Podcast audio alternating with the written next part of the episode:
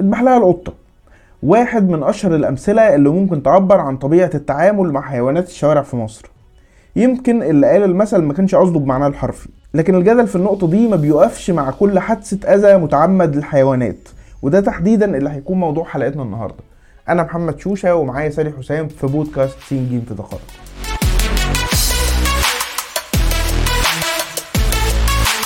سالي إحنا مؤذيين للحيوانات بطبعا ومش كل الناس طبعا لكن أيوه بعض الناس بيتعمدوا ايذاء الحيوان لمجرد الأذى ودول بحسب دراسة للرابطة الأمريكية للطب النفسي غالبا بيتحطوا تحت بند الشخصيه السايكوباسية. علماء النفس بيقولوا إن السايكوباسي مش بيكون مجنون زي ما البعض بيعتقد لكن هو شخص مدرك للي بيعمله وعارف الصح من الغلط ومدرك مشاعر اللي حواليه كويس لكن ببساطة مش بيكون مهتم بدرجة الأذى اللي ممكن يسببه. يعني في حالة التعامل مع الحيوان هو بيكون مدرك للأذى اللي بيسببه أو الألم اللي بيشعر بيه الحيوان لكن هو مش مهتم بده خالص. كل اللي يهمه هو حاجة من اتنين إما اللذة أو الاستمتاع بالأذى ودي نزعة سادية أو إن هو بيحاول يفرض السيطرة على البشر اللي حواليه يعني من خلال اللي هو يظهر إن هو إنسان أو شخص ما عندوش رحمة وبيكون الحيوان هو الضحية. اللي هي المثل اللي إحنا بدأنا بيه يذبح لها القطة هي كده بالظبط فعلا. يعني عادة الشخص ده بيكون جاي من بيئة عائلية مش سوية. يعني في اضطرابات نفسية حصلت له في مرحلة الطفولة سواء إهمال أو قسوة في المحيط اللي اتربى فيه. فاستخدام القوة والعنف بيتحول لوسيلة إثبات للذات. والحيوانات الصغيرة والضعيفة بتكون نقطة البداية. بعدين على البشر نفسهم اللي أكيد في نظره هيبقوا شايفينه شخصية قادرة زي ما بيقولوا يعني. آه في دراسات في أمريكا برضو بتقول إن العنف ضد الحيوانات وسيلة للسيطرة على أفراد العيلة زي مثلا النساء المعرضات للعنف المنزلي. فممكن ما بيسيبوش البيت أو يبلغوا عن اللي بيحصل لهم لأن الزوج أو الشريك ممكن يهددها عن طريق أذية الحيوانات الأليفة في البيت. فده بقى هنا نقدر نقول عليه إن هو بيطبق المفهوم الحرفي لكلمة اذبح لها القطة. لاحظ كمان إن أذى الحيوانات كان مرحلة عند قتلة متسلسلين أو مرتكبي جرائم جنسية في بداية حياتهم زي تيد بوندي أو جيفري دامر. بس يا سالي مش كل الناس اللي بتأذي الحيوانات في الغالب بيبقوا قاصدين الموضوع ده. يعني بعضهم بيبقى أكيد بتشوف الموضوع ده. في ناس بتقرف من الحيوانات خصوصا لو موجود في مكان مثلا زي المطاعم أو الأماكن اللي هناكل فيها. فهو يعني في الآخر خالص هو ممكن يشم الأكل. يعني الموضوع فيه تفاصيل تانية برضه. وده بيحصل فعلا لكن في وسائل كتير للتعامل مع الحيوانات في الحالات دي بدون أذى وب... وبأقل درجة ممكنة من الضرر. يعني مثلا خلي المكان نظيف وما فيهوش زبالة كتير وبعدين ممكن أصحاب المطاعم يستخدموا مواد مش مؤذية زي رش الفلفل الحار أو الحمضيات اللي هي روايحها بتكون مكروهة لأغلب الحيوانات. فبكده بتكون حافظت على المكان بتاعك وفي نفس الوقت ما بتأذيش الحيوانات. طيب ده اللي انت قلتيه ده ينطبق على الأماكن المقفولة زي المطاعم زي ما قلت نروح بقى لل... للشارع ال... الكلاب الشوارع مثلا يعني في ناس بتخاف من الكلاب مش من حقهم يخافوا؟ طب من حقهم يخافوا بس برضو في برامج كتير في كل الدول تقريبا مصممة للتعامل مع الحيوانات الضالة عموما.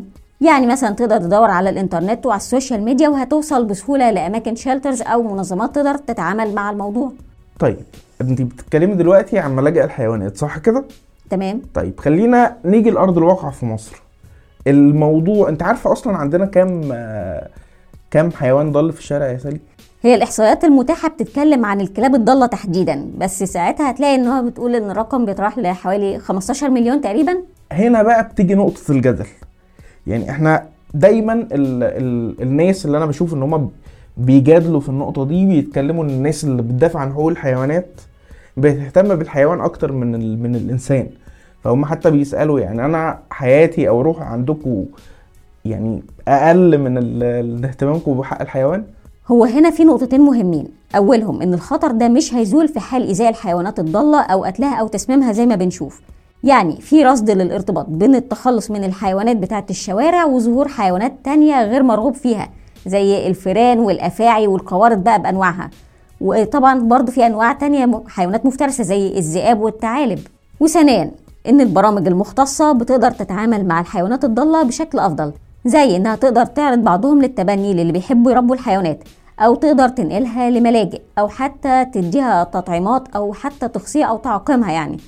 وبعد كده ترجعها للشارع فبنكون استفدنا بقى من ناحيتين إن إحنا نحجم الزيادة المفرطة في أعداد الحيوانات بتاعة الشارع وإن اللي لسه موجودين مش هيبقوا مؤذيين للبشر.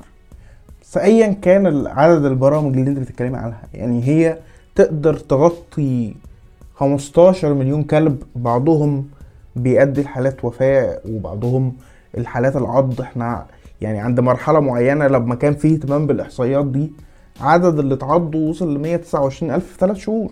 الكلام ده كان في 2000 2019 فيعني هل البرامج دي تغطي الوضع ده؟ هو غالبا لأ. كمان خد بالك إن في ارتفاع للمصاريف وتزايد عدد الحيوانات الضالة فده هيحط عبء كبير على البرامج دي. لأنهم غالبا بيعتمدوا على التمويل الذاتي أو التبرعات أو حتى التمويل الخارجي لكن هم بيعملوا اللي يقدروا عليه.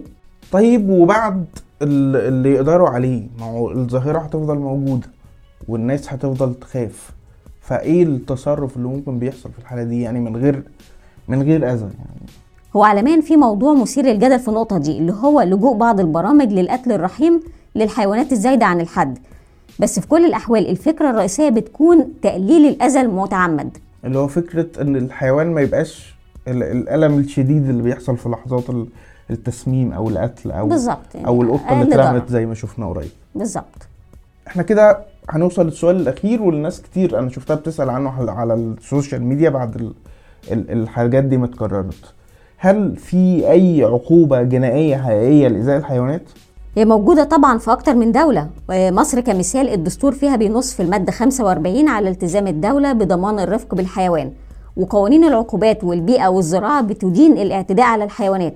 قانون العقوبات بالتحديد في المادة 357 بيعاقب بالحبس مدة ما تزيدش عن 6 شهور أو بغرامة 200 جنيه على قتل الحيوانات المستأنسة أو وضع سم للحيوانات الأليفة أو أو الإضرار بها بشكل واضح. ده غير قانون اتقدم للبرلمان المصري مؤخرا بيقترح رفع الغرامة ما بين 3000 جنيه ل 200 ألف جنيه والحبس من شهر لثلاث سنين.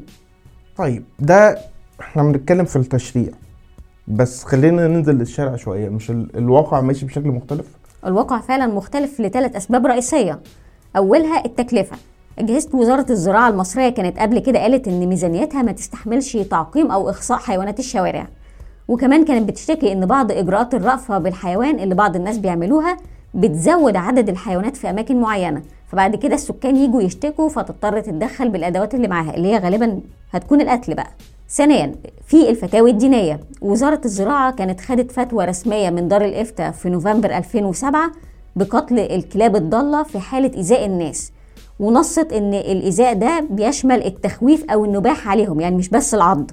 وإن كانت لجنة الفتوى في الأزهر هدت الموضوع شوية فأفتت في 2019 بمحاولة إرسالها لملاجئ الحيوانات وإن القتل يكون الخيار الأخير لو مفيش أي بديل تاني. وأخيرا الاستسهال بقى. يعني بعض الناس ما بتفكرش في كل ده أصلا وبتروح مباشرة للأذى المتعمد زي ما شرحنا في الأول. طيب الموضوع جدلي زي ما عرضنا خلال الحلقة فهنستنى منكم في التعليقات تشاركونا أنتوا شايفين إيه الشكل الأمثل. للتعامل مع حيوانات ال- الشوارع. هنسيب لكم المصادر في ال description وهنا بتكون انتهت حلقتنا النهارده. استنونا الحلقة الجاية من بودكاست سين جيم. في دقائق.